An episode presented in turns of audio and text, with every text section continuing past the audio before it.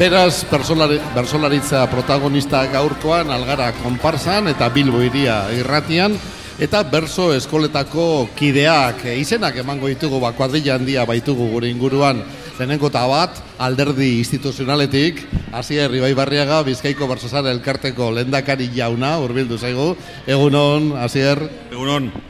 Beste alde batetik, nerea elustondo, goierri garaia berso eskolako kideare hemen dugu. Egunon, zuri ere. Nerea, eh, ez da heldu mikrofona.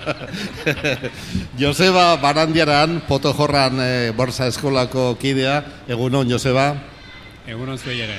Altuagoa denez heldu eginda mikrofonora. Eta aroa arrizubieta, gazteiztarra, bera, Iazko gazte txapelketan txapeldun gelditutakoa, eh? pixka bat ola egiten du, eta lotxatu bezala, baina meritu handiko kontua da hori horregatik aipatzen dugu egun honak ere bate ezkizu zuri ere. Eta, bueno, eta falta dira bortzirietako kideak behar bada, ba, saioan zehar helduko direnak eta eta gurekin egongo direnak. Bueno, lehenengo eta bat, lehendakari jaunari, e, Ibai, bersolaritzak esan daiteke hau ikusita gaurko saio berezi hau eta emanaldi hau egingo duzuen eta bersolaritzak erpin aurpegi alderdi asko dauka benetan. Bai, ni uste dut hau aspaldiko kontua dala, ez e, azten nagusiak beti egin izan dautzo gune bat bertsuari, e, bai algarak eta bai bestelako ba, konpartzak, beti egunero dauz bertso saioak, formato oso ezberdinetan, da gaurko formato honek eh, herri arteko edo eskola arteko honek e, bertu eskolen arteko jaialde honek ba, bueno, beste kutsu bat ematen dutzo. Bai, bai. Mm Ez dut esan baina Erlan Zibarguren goitea ere gurekin dago, lankidea duguna, Poto Jorran e, taldeko kidea dena eta Potxo saioaren gidariare badena. E, Erlantz, konta iguzu zertan datzan gaurko eguna holan labur-labur? Iazko esperientzian segida bat da. Iaz bertzotruk ekimenaren baitan, lortu gendu nola ere gustartzea, e, zera, Gipuzkoako bertso eskolaren bate, ara, Nafarroako bat eta, a, eta Potojorran bertso eskola bera, eta hain gustura eta hain posik eta jardun genuen alako baten, eta du, honek segida behar du izan, eta bertso egun ekimena horren e, segida bat da, gerora, ba, e, aitzakia bat behar eta baskaloste baten, ba, gazteak e, lortu du gazteak erakartzea, eta eta ize, sarik eta izeneko, alako, izen aspiko bat e, e, bideratzea, sarik eta esten, sariketa bat. Sariketa ez den, sariketa. Eh? Ez, ez. Ondo, Joseba, orain urte batzuk, Bilbo erdaldundu honetan, bersolaritza hitza entzuten genuenean, denok automatikoki eta inertziaz gipuzkoara joten genuen eta gogoa gipuzkoara joten zitzaigun. Orain aldamenean, arabar txapeldun bat daukazu. Bai, eta gustora ez daudena izorratu daitezela. Gauzak erabat aldatu dira, ez da?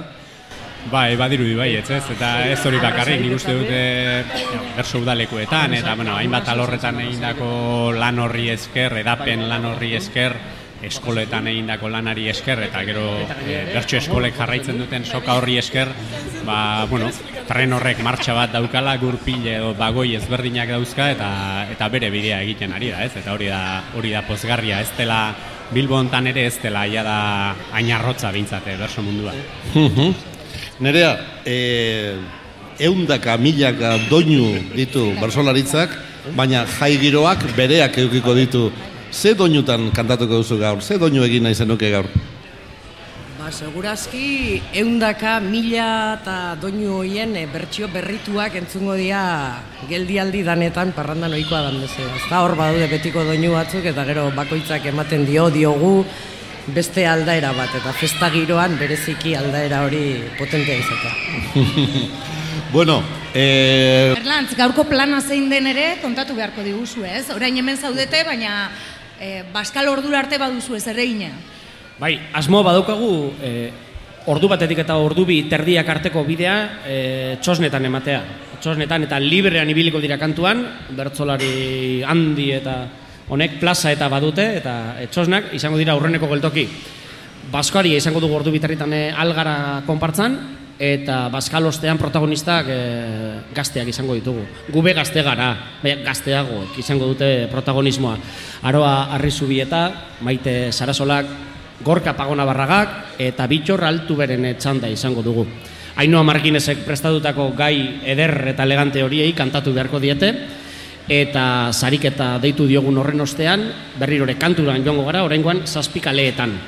Eta zazpikaleetan, oize, alduenak, alduena. Presidentea be kantuan jartzeko asmoa dugu, beraz. Beraz, egun osoa kantuan pasatuko duzue. Beharko, biba poto psikotiko depresiboak. Bueno, ba, azteko, agurra ere hemen irratitik eskatuko dizuegu.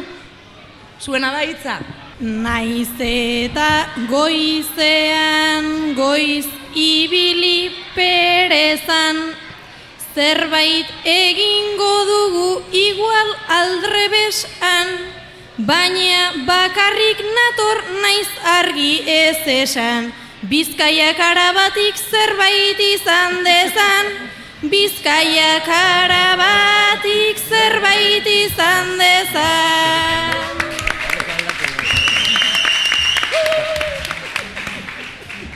Aroa harri zubieta izan da, eta orain e, Joseba Barraneraren txanda.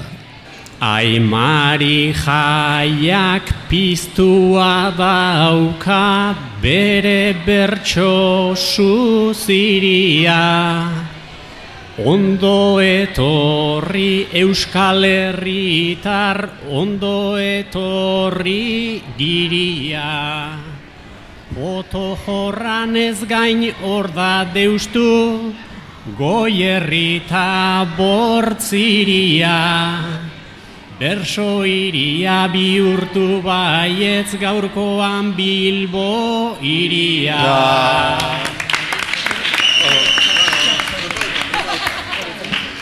Orain, e, de, de zer da, goiarri dagoaz, eta nerea lustun dutzen du. Bilbo handiko giroan murgilduta jada Justu konpartxa hontan bertso eguna da. Bertsoz bete ditzagun Bilbota algara. Festa dagon tokian elkartuko gara